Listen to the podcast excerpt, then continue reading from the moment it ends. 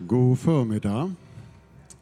Välkomna att fira gudstjänst här i Pingstkyrkan i Kungälv. Det är bara att fylla på. Det finns platser i bänkarna här fram. Det finns platser uppe på läktaren. Härligt att se att det fyller på. Idag så eh, har vi gudstjänst en vecka efter påsk. Vi ska få tillfälle att lovsjunga och upphöja vår Gud. Hoppas att du har kommit hit med en längtan att göra det. Vi ska få lyssna till Mikael Viktorell som ska predika för oss. Vi ska ge tillfälle för förbön i senare delen av gudstjänsten. Och sen eh, efter gudstjänsten så har vi även ett beslutsmöte där beslutsfrågan gäller anställning av pastor med ansvar för barn och familj. Hoppas du har möjlighet att stanna kvar då. Men jag tänker att vi eh, börjar. Jag tänkte jag skulle läsa en av eh, dagens bibeltexter.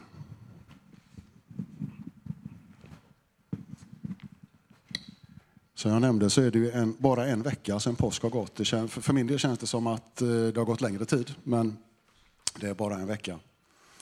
Och eh, i Johannes kapitel 20 och vers 24 så kan vi, då har Jesus visat sig för sina lärjungar, men en av dem var inte med, Thomas. Och vi läser från den 24 versen. Thomas, en av de tolv, han som kallades tvillingen, hade inte varit med, de andra, med de andra när Jesus kom.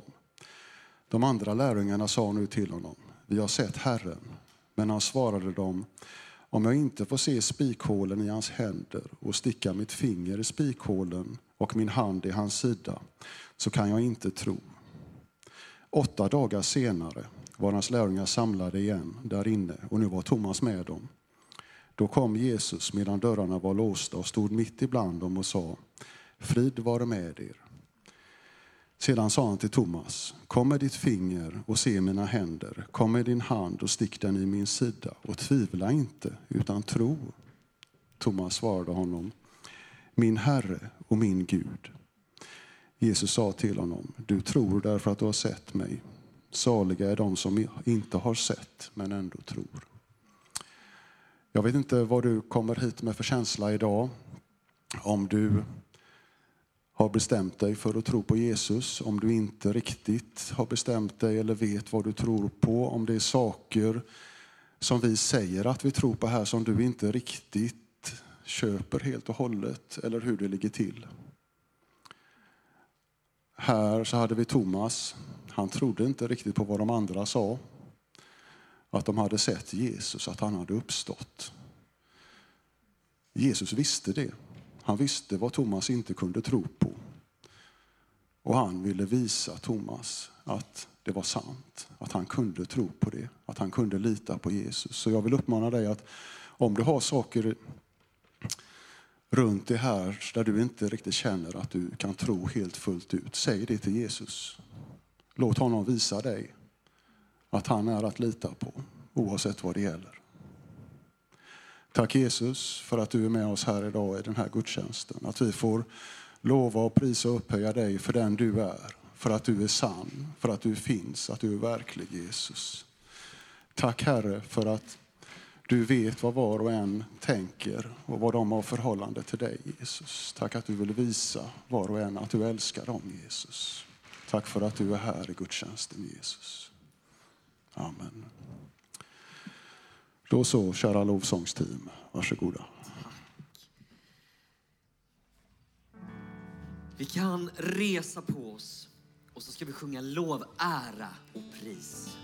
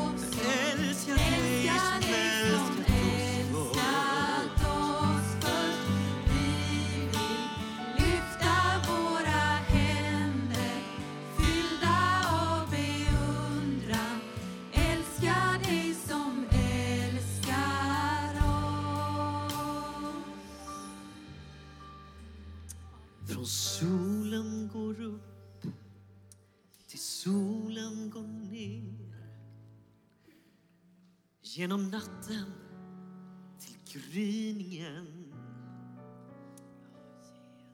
ger vi dig ära. Ger vi dig ära.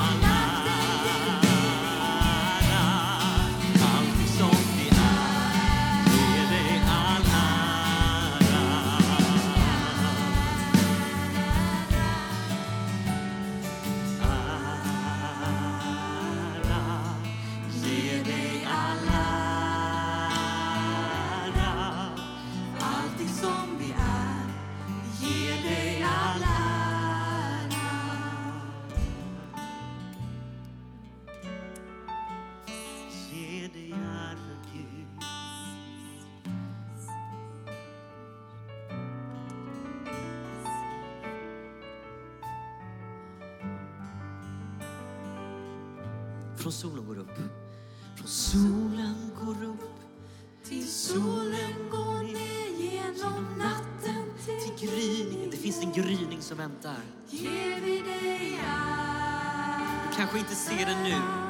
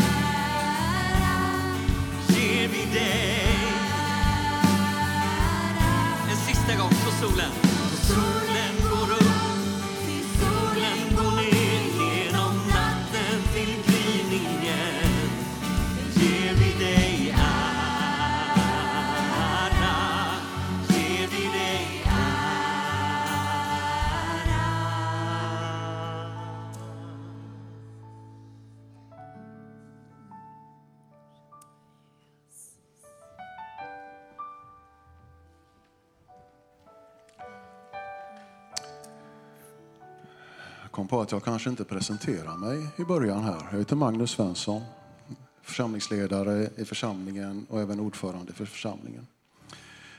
Nu ska vi ge varandra tillfälle att be tillsammans.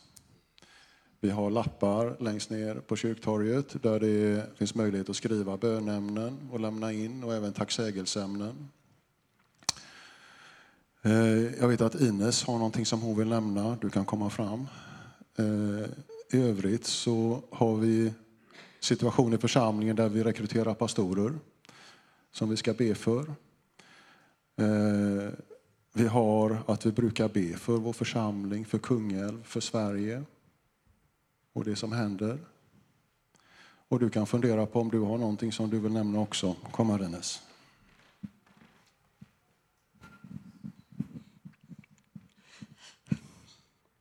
Jag har ett väldigt allvarligt ämne.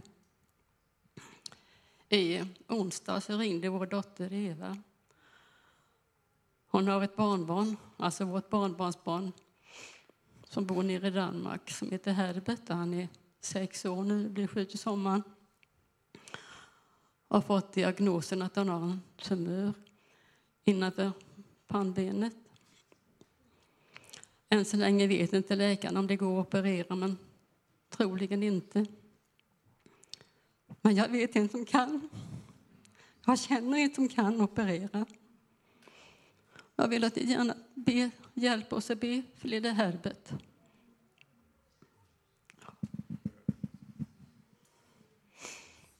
Herre, tack att du vet allting. Och du hör oss när vi ber. Och du kan svara på bön, för det vet jag att du kan. Och Jesus, du har burit allt på korsets trä. Alla våra sjukdomar, våra svagheter. Allting bar du där, Herre. Och du bar också Herberts svåra situation nu, Herre. Tack att du hör bön och hjälper Jesus dag för dag. Hjälp familjen också här i de svåra dagarna nu som kommer. Tack att du är med. Amen. Ja, tack Jesus. Tack att du ser Ines och Hildings barnbarnsbarn, Herre. Du vet precis hur det ligger till, Herre. Du har koll på läget. Vi vill lägga fram och be att du gör saker och ting rätt, Herre. Att du kan ta bort den här tumören. Och vi ska lova att prisa och ära och förhärliga ditt namn. Tack Jesus. Tack att du ser alla våra andra bönämnen. Du ser vår församling, Herre. Den situation vi står i med rekrytering av pastorer, Herre. Du ser situationen för familjer i vår församling, i vårt samhälle, Jesus. Vilka påfrestningar de utsätts för, Herre, på olika sätt, Jesus. Du ser vår kommun, Herre. Och de som leder och bestämmer där, Jesus. Och du ser vårt land. De som sitter i riksdag och regering, Herre. Vi ber att du leder, att du låter din vilja ske på alla platser och alla nivåer och i våra hjärtan också, Herre. Jag prisar dig, Herre. Jesus Kristus. Är det någon mer som har något som de vill nämna? Eller som vill be?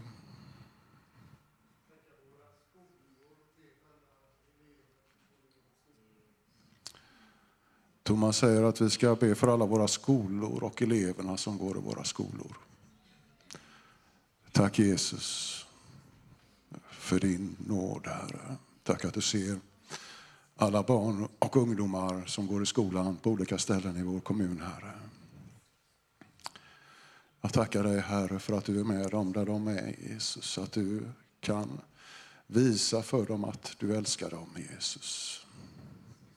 Att du är verklig, Herre. Du hjälper dem där de är med skolarbete och på, med kompisar och på olika sätt. Att göra rätt val i olika situationer så att de inte hamnar snett utan att det går dem väl, Jesus. Jag tackar dig för det, Jesus. Kiki, vill du be också? Ja, Jesus, jag tackar dig för att du är här. Tack för att du är här. Och du känner oss var en. Du ser den här pojken, Ines barnbarnsbarn, här. Jag tackar dig för att du går till honom nu och du lägger dina händer på honom nu. Jag tackar dig för att du hör bön. Tackar dig för att du har skapat honom och du känner varenda cell i honom, Herre. Tackar dig för att du bara omsluter dem. Du omsluter dem. Jag tackar dig också för den här gudstjänsten. Tack för att du är här, för att du vill möta oss. Och vi har gått hit för att vi vill träffa dig, Herre. Tack för att du går till våra hjärtan och möter oss idag. Tack för att vi får vara här i din närhet. Amen.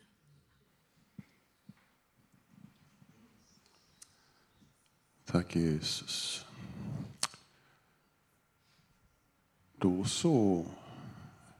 Vi har barnkyrka och 57an. Har vi någon musik till det och kanske några som kan eh, hjälpa oss med lite dans eller så? Annars så blir det ingen dans. Åh, Kikki! Ja, men underbart.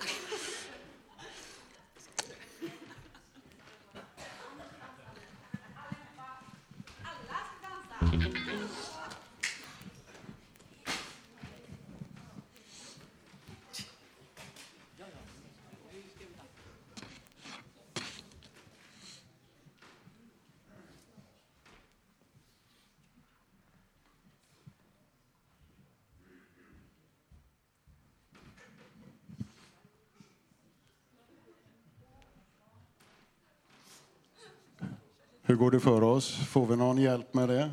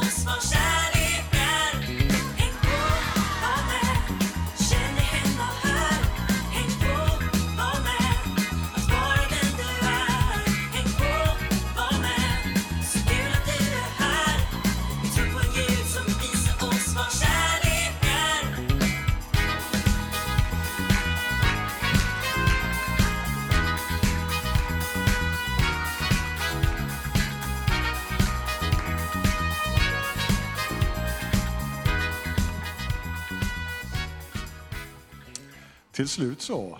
Det var ju härligt. Eh, nu ska vi få vara med allihop och ge till eh, vår församling. Till arbetet som vi gör här. Som ni säkert känner till så baserar ju vi det på de gåvor som ni ger. Några andra stora inkomster har vi inte i församlingen. Så eh, ge med hjärtat. Och efter kollekt och den sången så lyssnar vi till Mikael. Vi ber för insamlingen. Tack Jesus för att du ser alla som vill vara med och bidra på olika sätt till vår församling. Jesus. Tack att du välsignar dem för det Jesus. Tack att du hjälper oss att ta hand om de medel som vi får in på ett sätt som är efter din vilja, Herre. Tack för att du kan förmera det som ges med din välsignelse. I Jesu namn. Amen.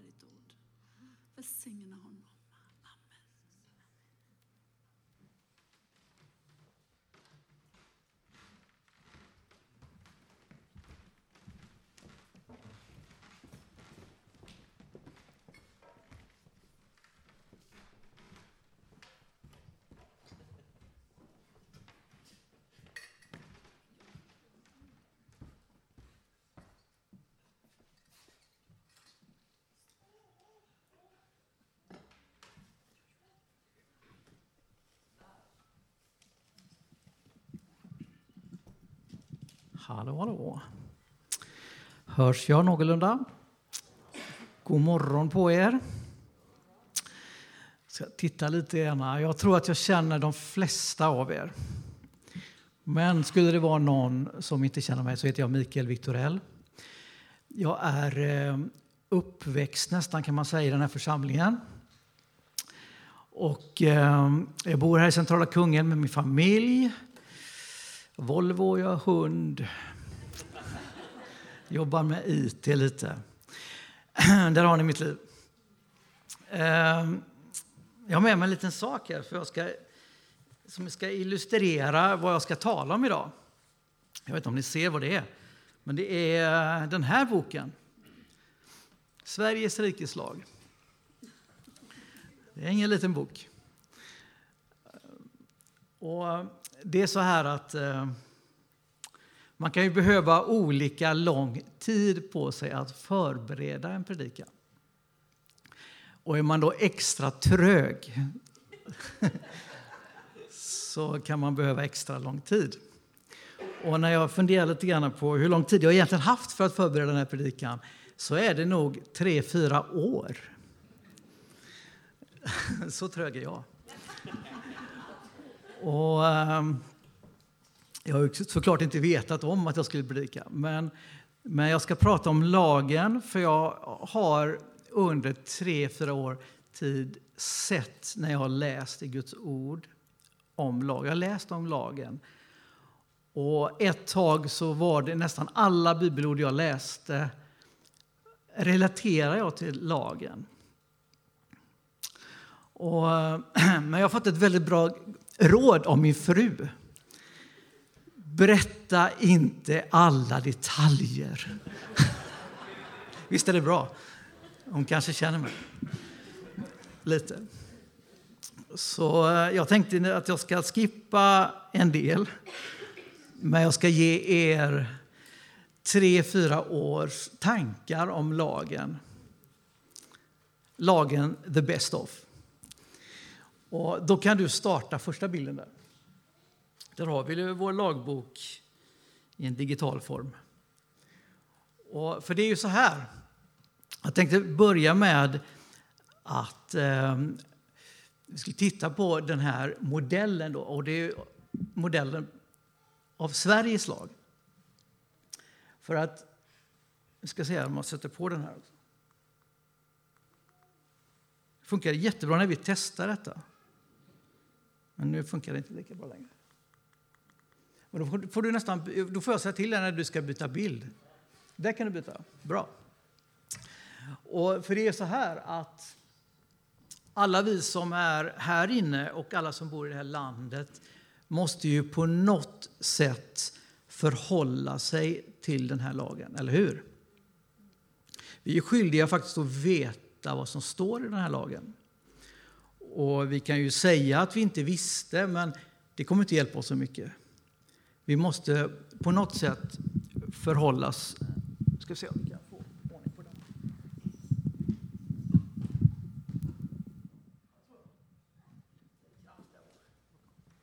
Sådär.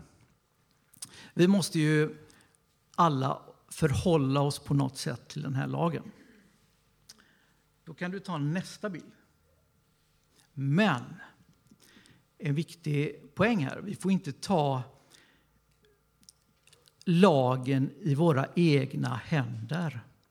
Eller hur? Vi har ju en rättsinstans som ska använda lagen. Och den ska ju skydda lagen för oss andra då, så vi inte missbrukar lagen. Eller hur? Och när man visar en bild på en rättsinstans så är det ofta en våg. Har ni tänkt på det? Och för det finns ju en åklagare och det finns ju en försvarare. Så finns det också en domare. Då. Det är ju vårt rättssystem. Och den här bilden tänkte jag, jag hoppas inte det är några oklarheter i den här bilden. Vi förstår den. För den här tänkte jag vi skulle ha med oss när vi tittar på en annan lag. Om man läser här i, eh, i de första sidorna så står det att den här lagen den antogs i riksdagen 1734. Är man då snabb på matematik så betyder det att den är 289 år gammal. Men nu ska vi gå till en lag som är 3500 år gammal. Och då kan vi ta nästa bild. Och, eh, ni känner igen bildspråket lite nu då? vi har en lag som Mose fick. Den var bestämd att den skulle ligga i en ark som placeras i ett tabernakel. Och ehm, det här kan man få många bilder av som jag inte tänker ta nu då. Hoppar över några detaljer. Men ehm, det som jag har tänkt på det är ju den helige Ande. För den helige Ande benämns ju väldigt lite, det talas ju väldigt lite om Guds ande i Gamla testamentet. Några människor fick ju under begränsad tid vara uppfyllda av anden. Simson till exempel. Och han som utsmyckade tabernaklet stod också att han var uppfylld av den helige Ande. Men det stod att den helige Ande bodde i tabernaklet. Det var Guds plats. Och här, här är min första lilla poäng att där lagen finns, där finns den helige Ande. Det finns en symbios där. Och eh, jag skulle nästan vilja påstå, då, det kommer lite senare, att den helige Ande och lagen är samma sak. Till och med det skulle jag vilja påstå. Nu går jag händelserna i förväg lite. Eh, men om ni kommer ihåg den föregående bild så hade vi också någonting som skulle skydda en liten instans som skulle skydda oss från lagen. Vi kan ta nästa bild här. Och då var det en prästfunktion som Gud sa till Mose att det ska du eh, sätta in. Och det var då en präst från Levis stam. Han var den som... Eh, för det var, det var så här att där lagen var, det var ett heligt utrymme och där fick inte människorna tillgång till.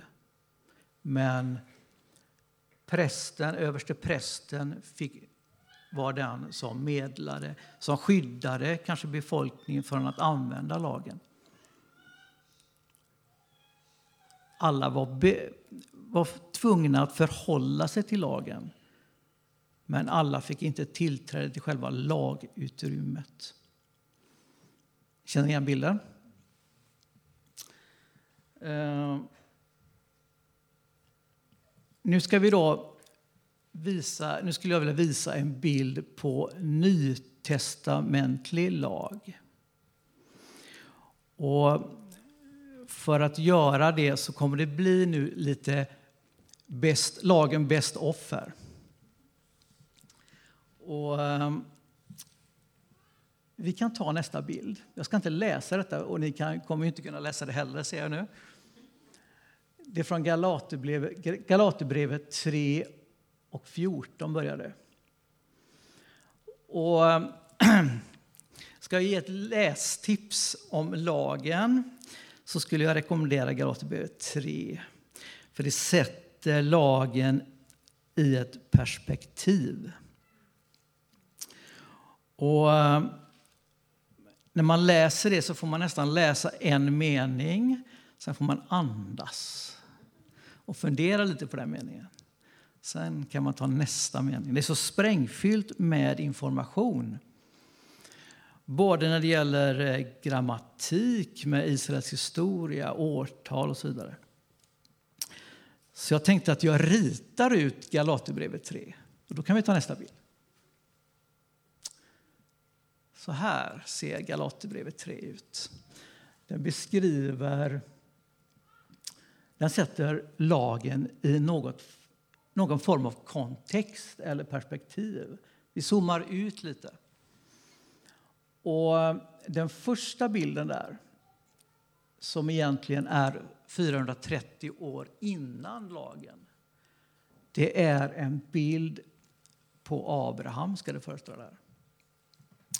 Och det var där tron, resan om tron började. Och vill man läsa om kristen tro, då ska man gå till Abraham. För där, var en väldigt, där presenteras en väldigt enkel tro som hade två beståndsdelar. Man, Abraham hörde vad Gud sa, det var det ena. Och det andra var han trodde att det var sant som Gud sa. Det var det andra. Så enkelt. Och jag tror att det är så som Gud vill att tron ska fungera idag med. Man brukar säga att tron är en personlig tro, att det är en relation. Att vi får höra Guds röst och att vi får tro att det är sant det vi hör.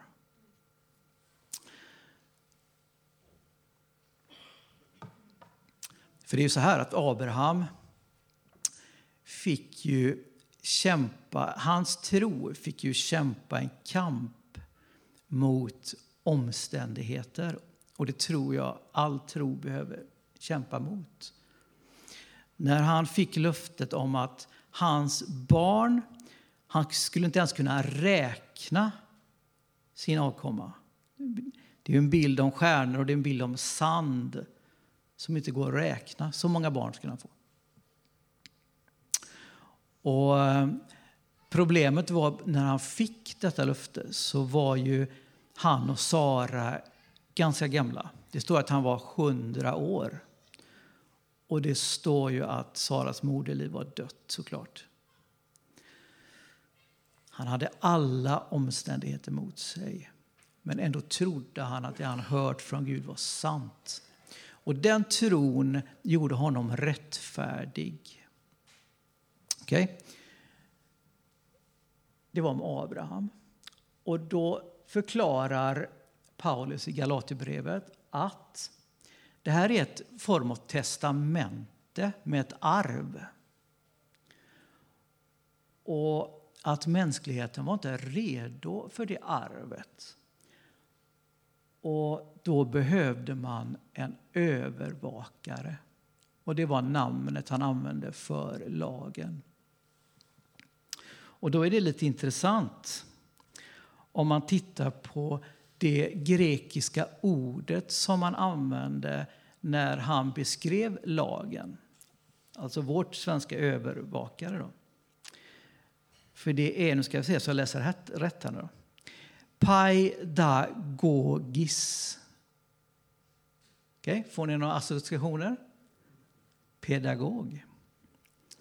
Får jag i alla fall.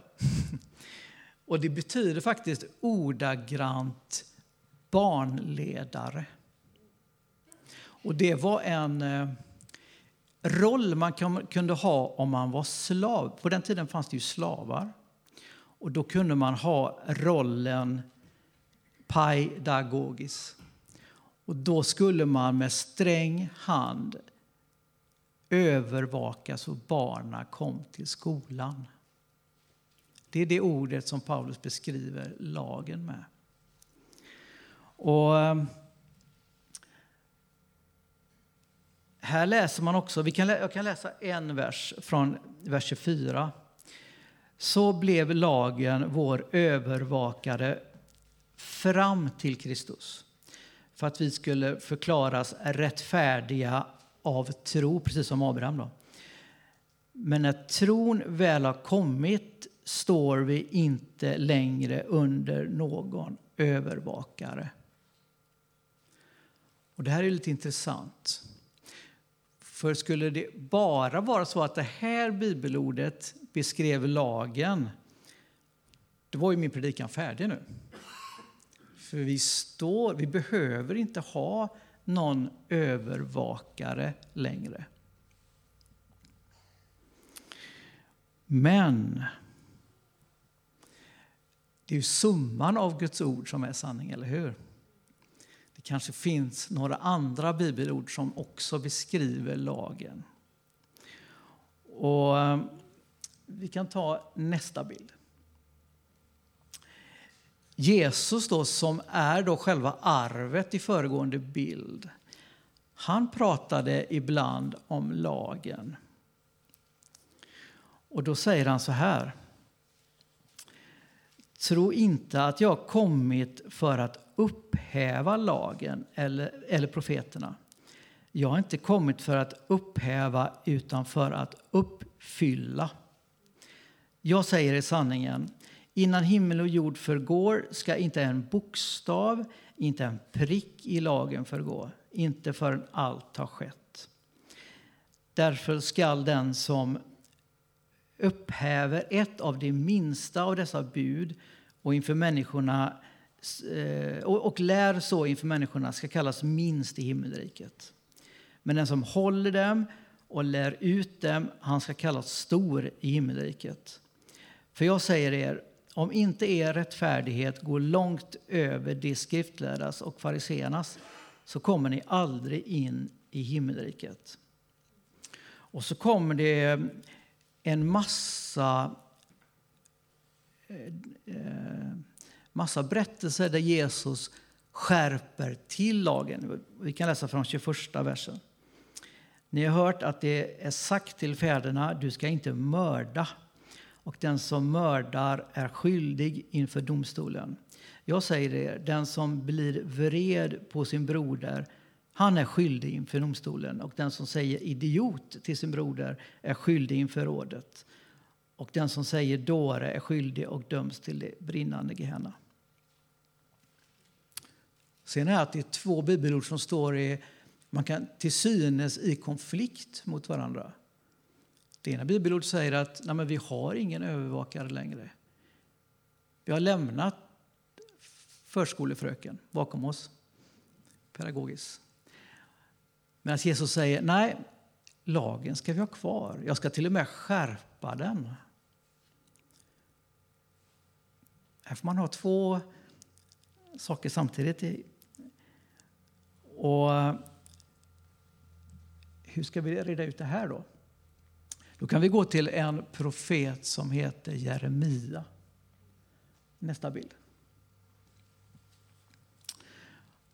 Och han säger så här.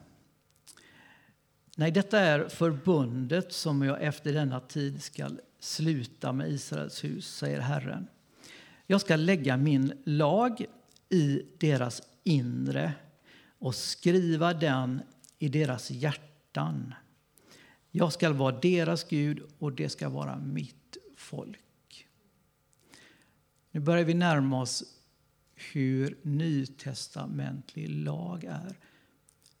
Det är inte längre en regelbok. Det är någonting som skrivs i mitt hjärta. Då kan vi ta en liten bild på det så vi ser vad vi, så vi hänger med mot, jag fattar, i, i eh, min lilla bildserie här. Den här lagen är numera skriven i mitt hjärta. Men det fattas ju lite eh, för att vi ska gå i mål här med bilden. Då.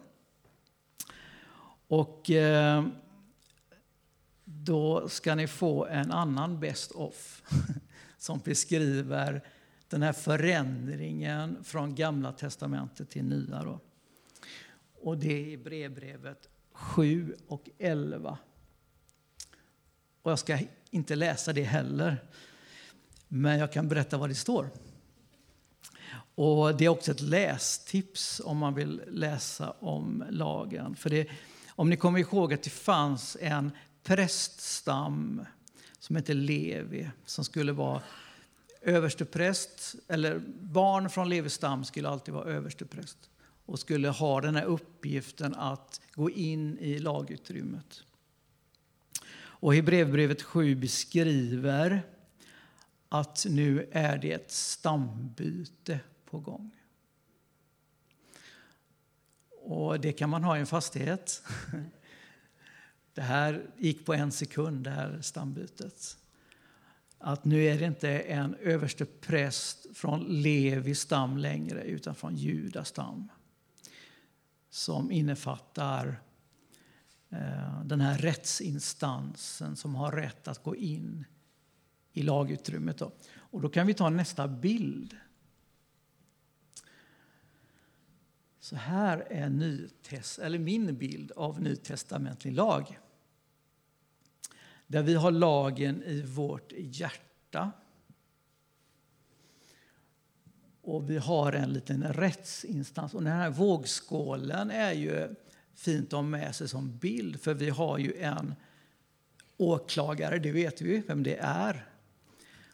Och den helige Ande, om man ska gå på den hebreiska översättningen av vad helig ande betyder, så är en av betydelserna försvarare. Och det står att Jesus har kommit för att döma den här världen. Så där har vi vår rättsinstans när det gäller lagen i den nytestamentliga vägen, den, den som vi lever i. När jag fick den här bilden framför mig, för jag, jag har sett den här bilden på något sätt, då var det några bibelord, eller ett speciellt, som jag drabbades lite av. Det, står ju, det finns ju lite varningar i Nya testamentet. Jag tänker kanske främst på två varningar som eh, är ganska allvarliga. Den ena är att om du inte förlåter så blir du inte förlåten. Den andra som jag tänkte på det är att om du dömer någon så blir du fördömd, står det. Och du blir fördömd med samma dom som du själv dömer med. Och då tänker jag mig så här att det finns ett heligt utrymme här. Jesus är den rättsinstans som har rätt att döma mitt hjärta. Ingen annan har det och jag har inte heller rätt att döma något annat hjärta. Och det blir som det studsar tillbaka när jag dömer. För att Jesus står där som en rättsinstans och hindrar. Okej? Okay. Då ska vi, ska vi få nästa Best of. och det är från Matteus. Vi kan ta och byta bild. Matteus 23 och 23. Det här blev ett, det här läste jag för några år sedan, det här bibelordet, och det är, eh, för mig blev det en sån, åh, aha, nu förstår jag lite bättre.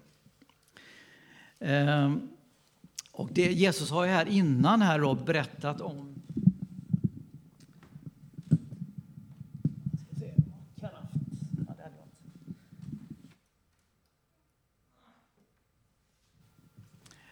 Jesus hade lite innan berättat, eller fått frågan så här, vad är det viktigaste? Och då har han svarat så här att det viktigaste är att du ska älska din Gud av hela ditt hjärta. Du ska älska din medmänniska av hela ditt hjärta. Och sen fick han, sen säger han lite efter så här då. Ve er skriftlärda och fariseer, era hycklare. Ni ger tionde av mynta och kummin men försummar det viktigaste i lagen. Rättvisan, barmhärtigheten och troheten. Ni borde göra det ena utan att försumma det andra. Och då tänker ju vän av ordning så här kanske. Det är ju tre saker som inte står i lagen som är det viktigaste. Och då skulle jag komma med ett påstående. Då. Det är inte det viktigaste för dig att du lever punkt och pricka efter lagen. Det viktigaste är vad lagen gör med dig. Och om vi då nu då förstår att det finns ett likhetstecken mellan lagen och den helige Ande. Så kan vi ta nästa bild. För då tror jag att lagen vill mejsla fram egenskaper i dig. Och Bibeln benämner dem här kärlek, glädje, frid, tålamod, vänlighet, godhet, trohet, mildhet, självbehärskning. Och det är egenskaper som är jättebra att ha om man ska bygga bra relationer. Det tror jag är det viktigaste i lagen. Varför tror jag det då? Kanske ni undrar? Jag tror att någon, någon har räknat, jag har inte gjort det, men det lär finnas hundra bilder på hur Gud beskriver sin församling. Där vi eh, inte är enskilda, enskilda individer utan när vi ska samverka. Och eh, en av de bilderna är bilden att vi är lemmar i en kropp som hör ihop. Och så står det att vi ska lida med de som lider och vi ska glädjas med de som det går bra för. Och eh, jag tror att det kan vara väldigt svårt. Och jag tror att då kan vi behöva släppa fokus från oss själva och börja se andra. Och då tror jag att det, det som lagen vill göra är att mejsla ut egenskaper så det här börjar fungera. Och lagen för det israeliska folket blev ju en jättebörda. Eller hur? De kunde inte leva upp till den. Och Jesus skärper ju till den bördan. Men samtidigt säger han så här, Mitt, min börda är lätt. Och då tror jag att det är det här som han menar att lagen ska mejsla ut egenskaper som gör att du per automatik uppfyller lagen. Okej? Okay?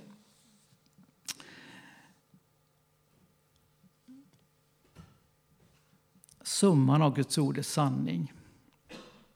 Om man lägger ihop det med eh, att Jesus säger att jag är sanningen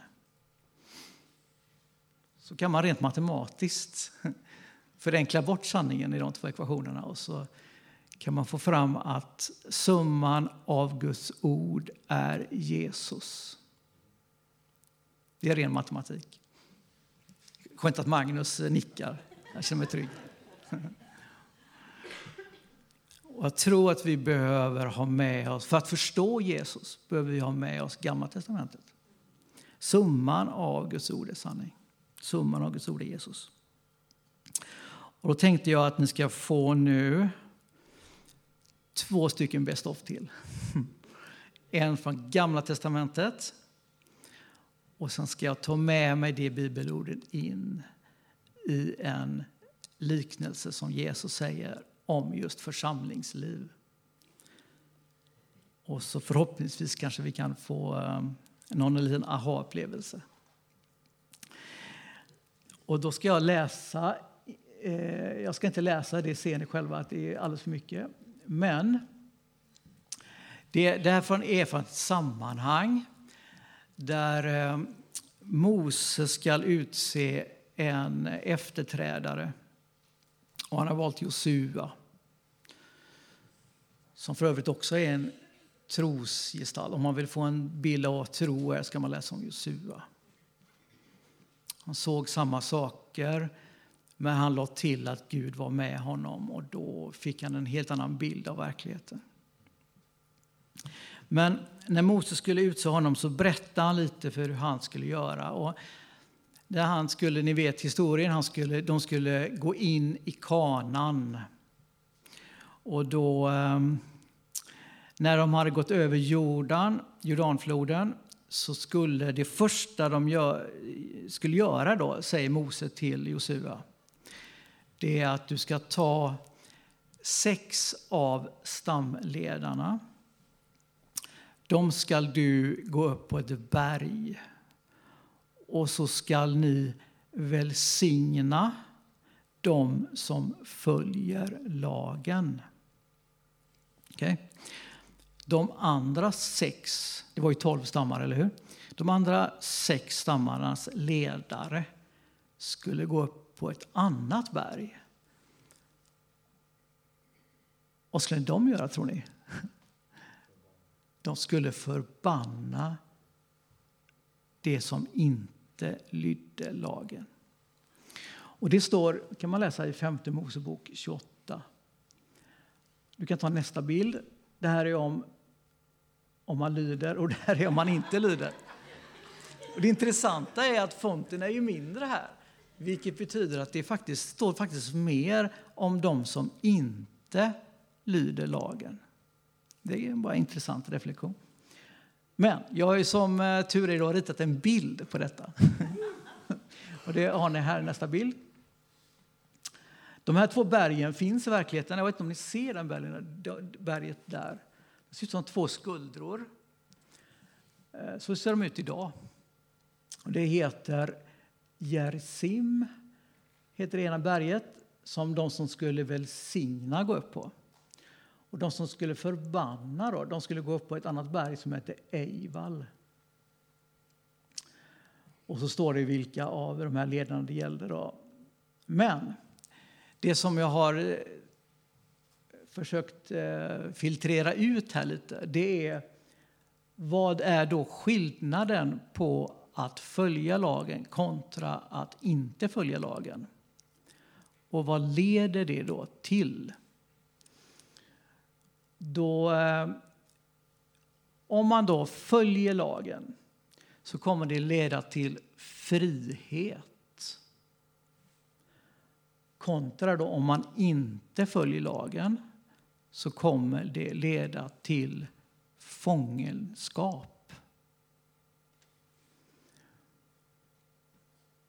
Och om man följer lagen så kommer det leda till rikedom. Det står att man kan då ge lån till andra. Kontra då om man inte följer lagen så kommer det leda till fattigdom. Då kommer man behöva ta lån. Och om man följer lagen så kommer du vara huvud. Kontra om man inte följer lagen så kommer du vara svans. Nu är ju det här bilder, det handlar ju inte om pengar som ni förstår i den nytestamentliga världen. Det är ju någon form av andligt kapital. Och jag tror också, jag skulle vilja tillägga en sak, att, att, att lyda lagen som du har i ditt hjärta, det är, tror jag, inte en frälsningsfråga, för du är frälst av nåd. Men om du frågar mig så här, kan man vara frälst och av nåd och vara fången? Så tror jag att det är sant. Det är två, två saker. Du kan vara frälst, du kan ha det är klart med Jesus, men du kan kanske inte ha börjat följa ditt hjärta ännu. Okej. Nu ska vi gå till eh, Nya testamentet. Och det här är min senaste aha-upplevelse. Och den är inte många veckor gammal. För jag följde med min fru. Du kan ta nästa bild där, ja just det. Du kan, du kan ta, eh, gå tillbaka ett steg. Jag följde nämligen med min fru när hon predikade till Arise. Det är bra att kunna få höra sin visdom från sin fru. Och då predikade hon om det här bibelstället.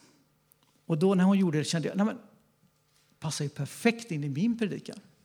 Så jag snor det lite. Och jag kan läsa det här då. Det är Jesus som undervisar.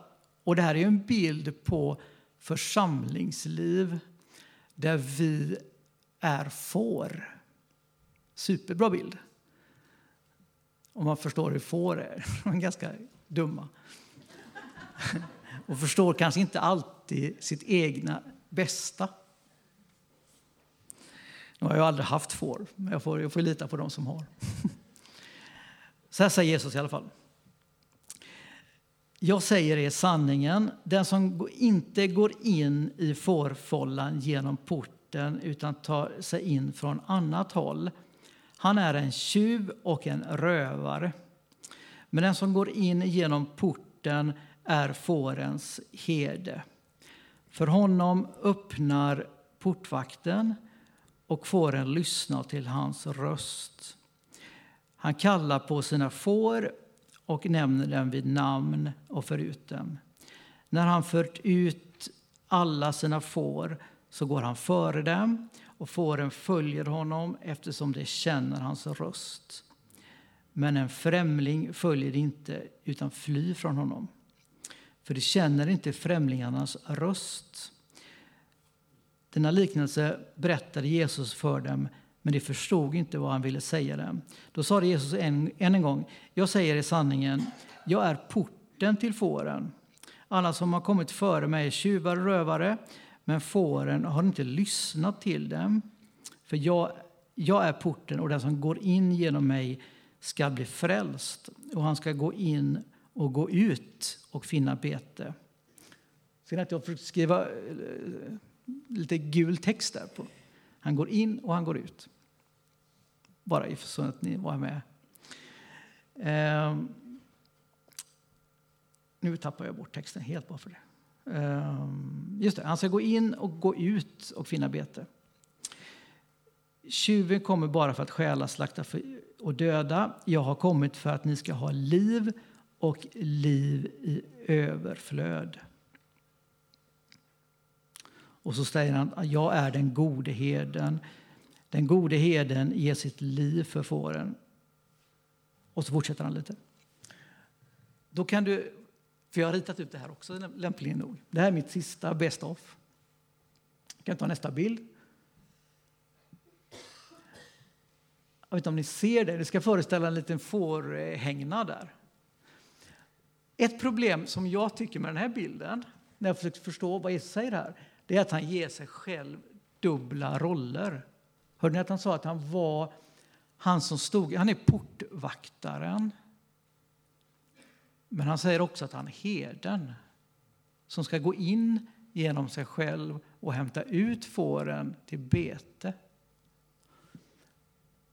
Och där fick jag tugga lite på den här bilden. Men jag tror så här, om vi nu lägger ihop lite att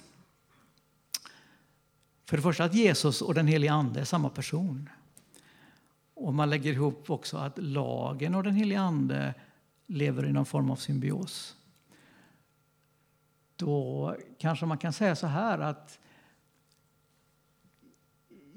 lagen då vill guida oss ut och in. Hörde ni, såg ni att det stod ut och in?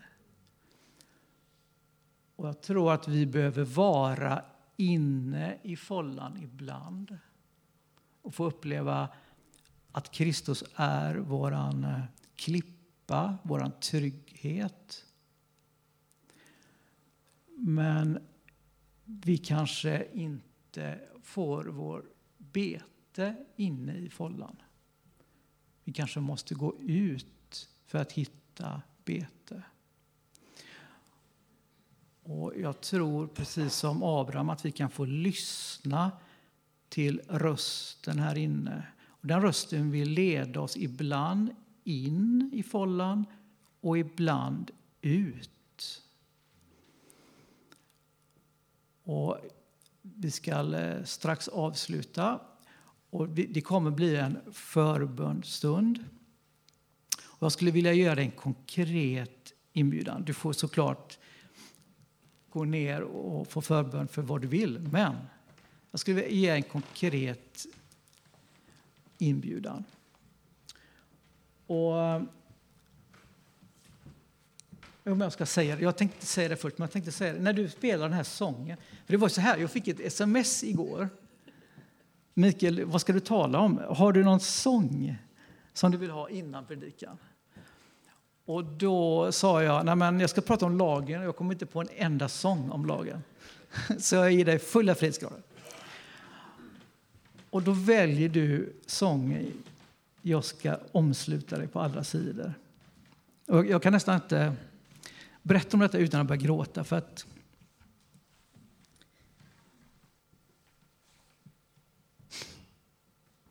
Någon gång ska jag klara detta. Men i alla fall, jag, jag fick covid 2020. Och då, då, ehm, det var lite innan man hade full koll på vad covid var. Man trodde fortfarande att det var ganska farligt, och det var ju farligt såklart. Men då var det en väldig osäkerhet. Och jag eh, kände också att jag, jag blev... Eh, eh, jag fick börja tänka lite. Jag hade ju liksom lite... Man skulle inte helst ha ett bakomliggande sjukdomar som det hette. Så hade jag ju det. Och då var det mycket man skulle ha. Den tolfte dagen var viktig för där kunde det hända saker med syresättning och så vidare. Men så fick jag det här bibelordet. Du omslut mig på alla sidor. Och fick uppleva en sån trygghet att få vara inne i den här follan där Gud omsluter mig på alla sidor. Och jag fick uppleva en sån omsorg. Och jag, och jag, eh, jag eh, berättar om det här för nästan alla jag träffar. Jag fick en sån vila i det här bibelordet. Och så ringer en kompis till mig och vi börjar prata och så berättar jag det här för han också. Och då säger han så här att ja, men Gud, har, Gud sa faktiskt till mig så här att du ska ringa Mikael och säga att du är i Guds hand och han omsluter dig på alla sidor. Men jag vågar inte säga det för det var så banalt. Men när du berättar om det bibelordet så förstår jag. Liksom. Och jag bara kände att Gud hade en sån omsorg om mig. Och sen, sen slår jag på tvn. Jag vet faktiskt inte hur lång tid det gick. Men då eh, skulle kungen tala till vår nation. Och då läser han just det här bibelordet. Jag har aldrig hört han läsa bibelord. Men då läste han och citerade från Saltaren just det här bibelordet. Och jag känner en sån omsorg. Så det, vi behöver få känna det. Gud behöver leda oss in. Lagen behöver leda oss in, in i follan. Men det kanske inte är där vi har vårt bete. Vi behöver också följa lagen ut ur follan. Och ehm, för att när du följer lagen och tror att den är, det är sant, det som du känner i ditt hjärta då kommer du bli rik. Du kommer få bli fri och du kommer vara huvud.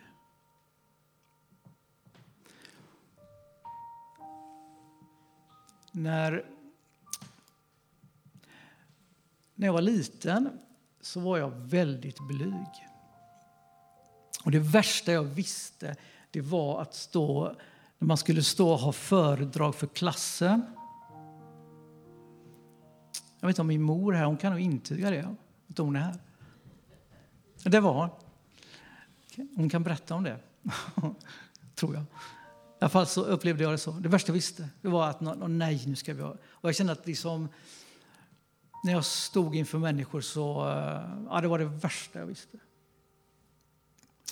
Men så på något sätt så har Gud lett mig ut ur follan och på ett försiktigt sätt fått mig att eh,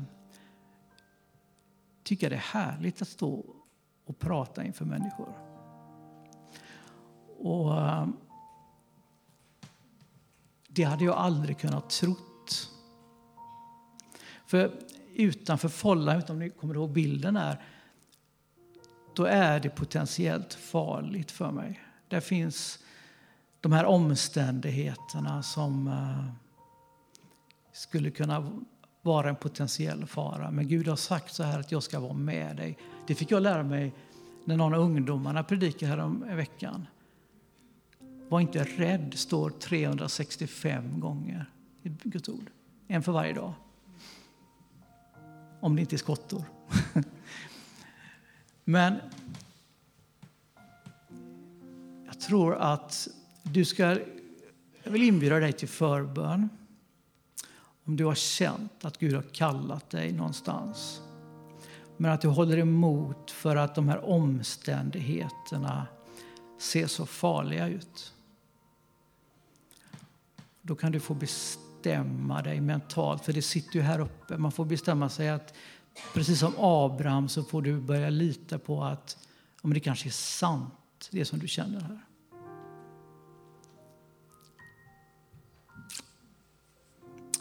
Jesus, jag vill tacka dig för att du har gett oss ditt ord som vi kan få växa av och förstå vem du är.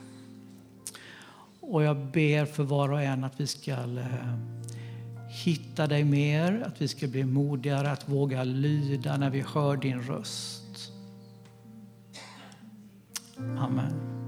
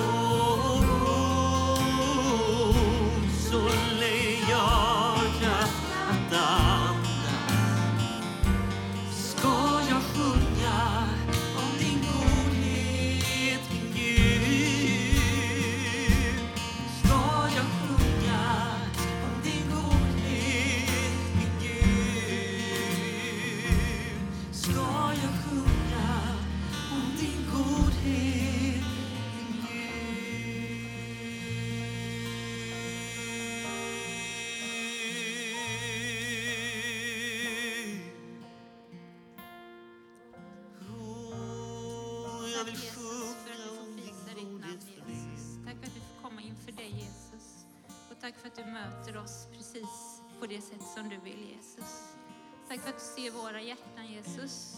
Och tack för att du bryr dig om oss alla Jesus. Tack för dig så, så finns ingenting som är omöjligt utan du har bara möjligheter för oss Jesus. Tack Gud för att vi lägger våra liv i dina händer och du går med oss Jesus.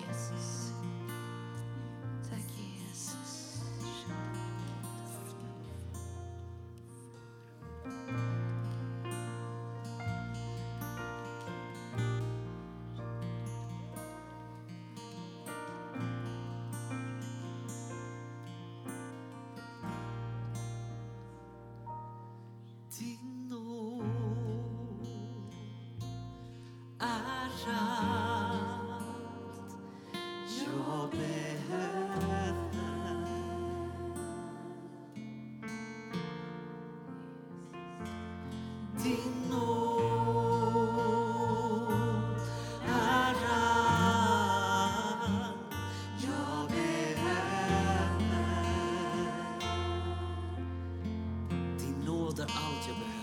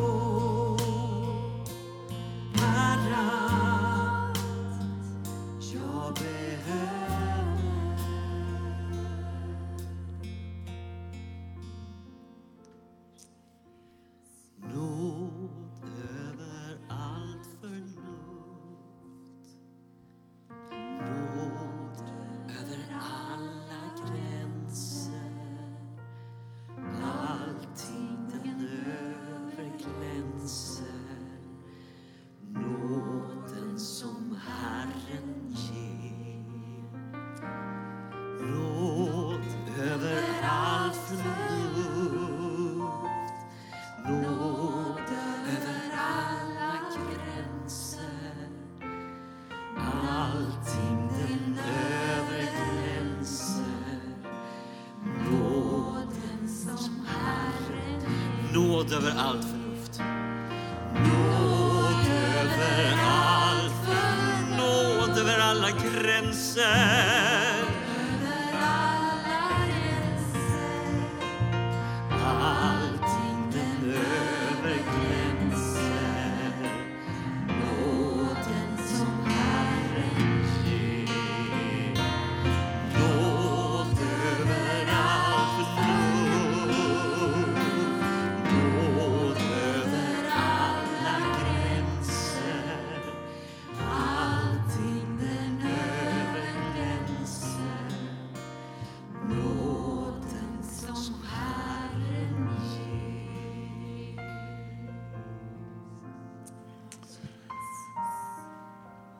Vilken härlig gudstjänst.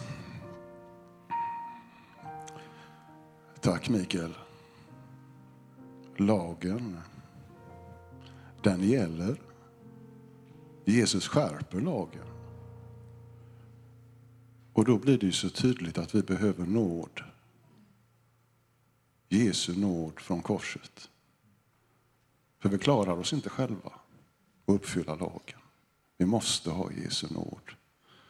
Tack Viktor Metin. Tack ljud och bild. Tack värdgrupp. Snart så får ni gå och ta lite fika också. Jag tänkte bara jag skulle ta lite pålysningar först. Beslutsmöte efter lite fika. Alla är välkomna att stanna kvar. Är du inte medlem i församlingen så innebär bara det att vid beslutsfrågan så har du ingen rösträtt. Men i övrigt så är du välkommen att stanna kvar och lyssna om du vill. Tisdag. Klockan 11 så är det bön. Onsdag öppna förskolan och klockan 19 bön. Nästa och sen på fredag så har vi Bara vara. De andra grupperna har inget på fredag. Eh,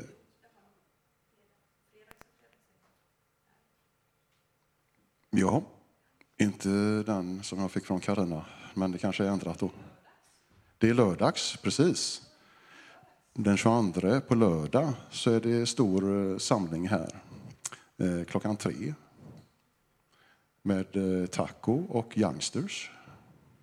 Precis, alla välkomna. Eh, nästa söndag den 23 så har vi predikan av Fredrik Jannerhav. Eh, han är på förslag som föreståndare till vår församling. Kom och lyssna om du har möjlighet. Han har möjlighet att stanna kvar efter gudstjänsten och då vill vi gärna ge möjlighet till en frågestund. Om ni har frågor som ni vill ställa till Fredrik så får vi se om han kan svara på dem.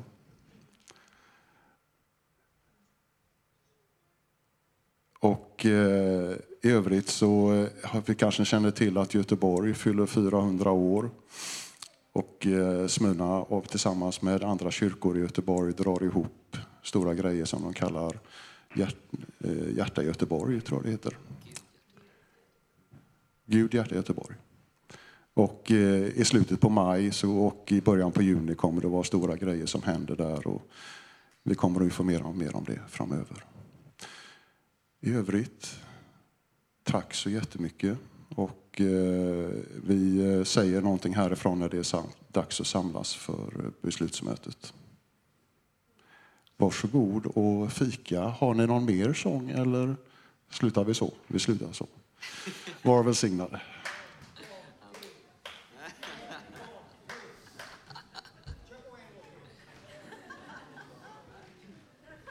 Jag tror vi vill ha kaffe nu.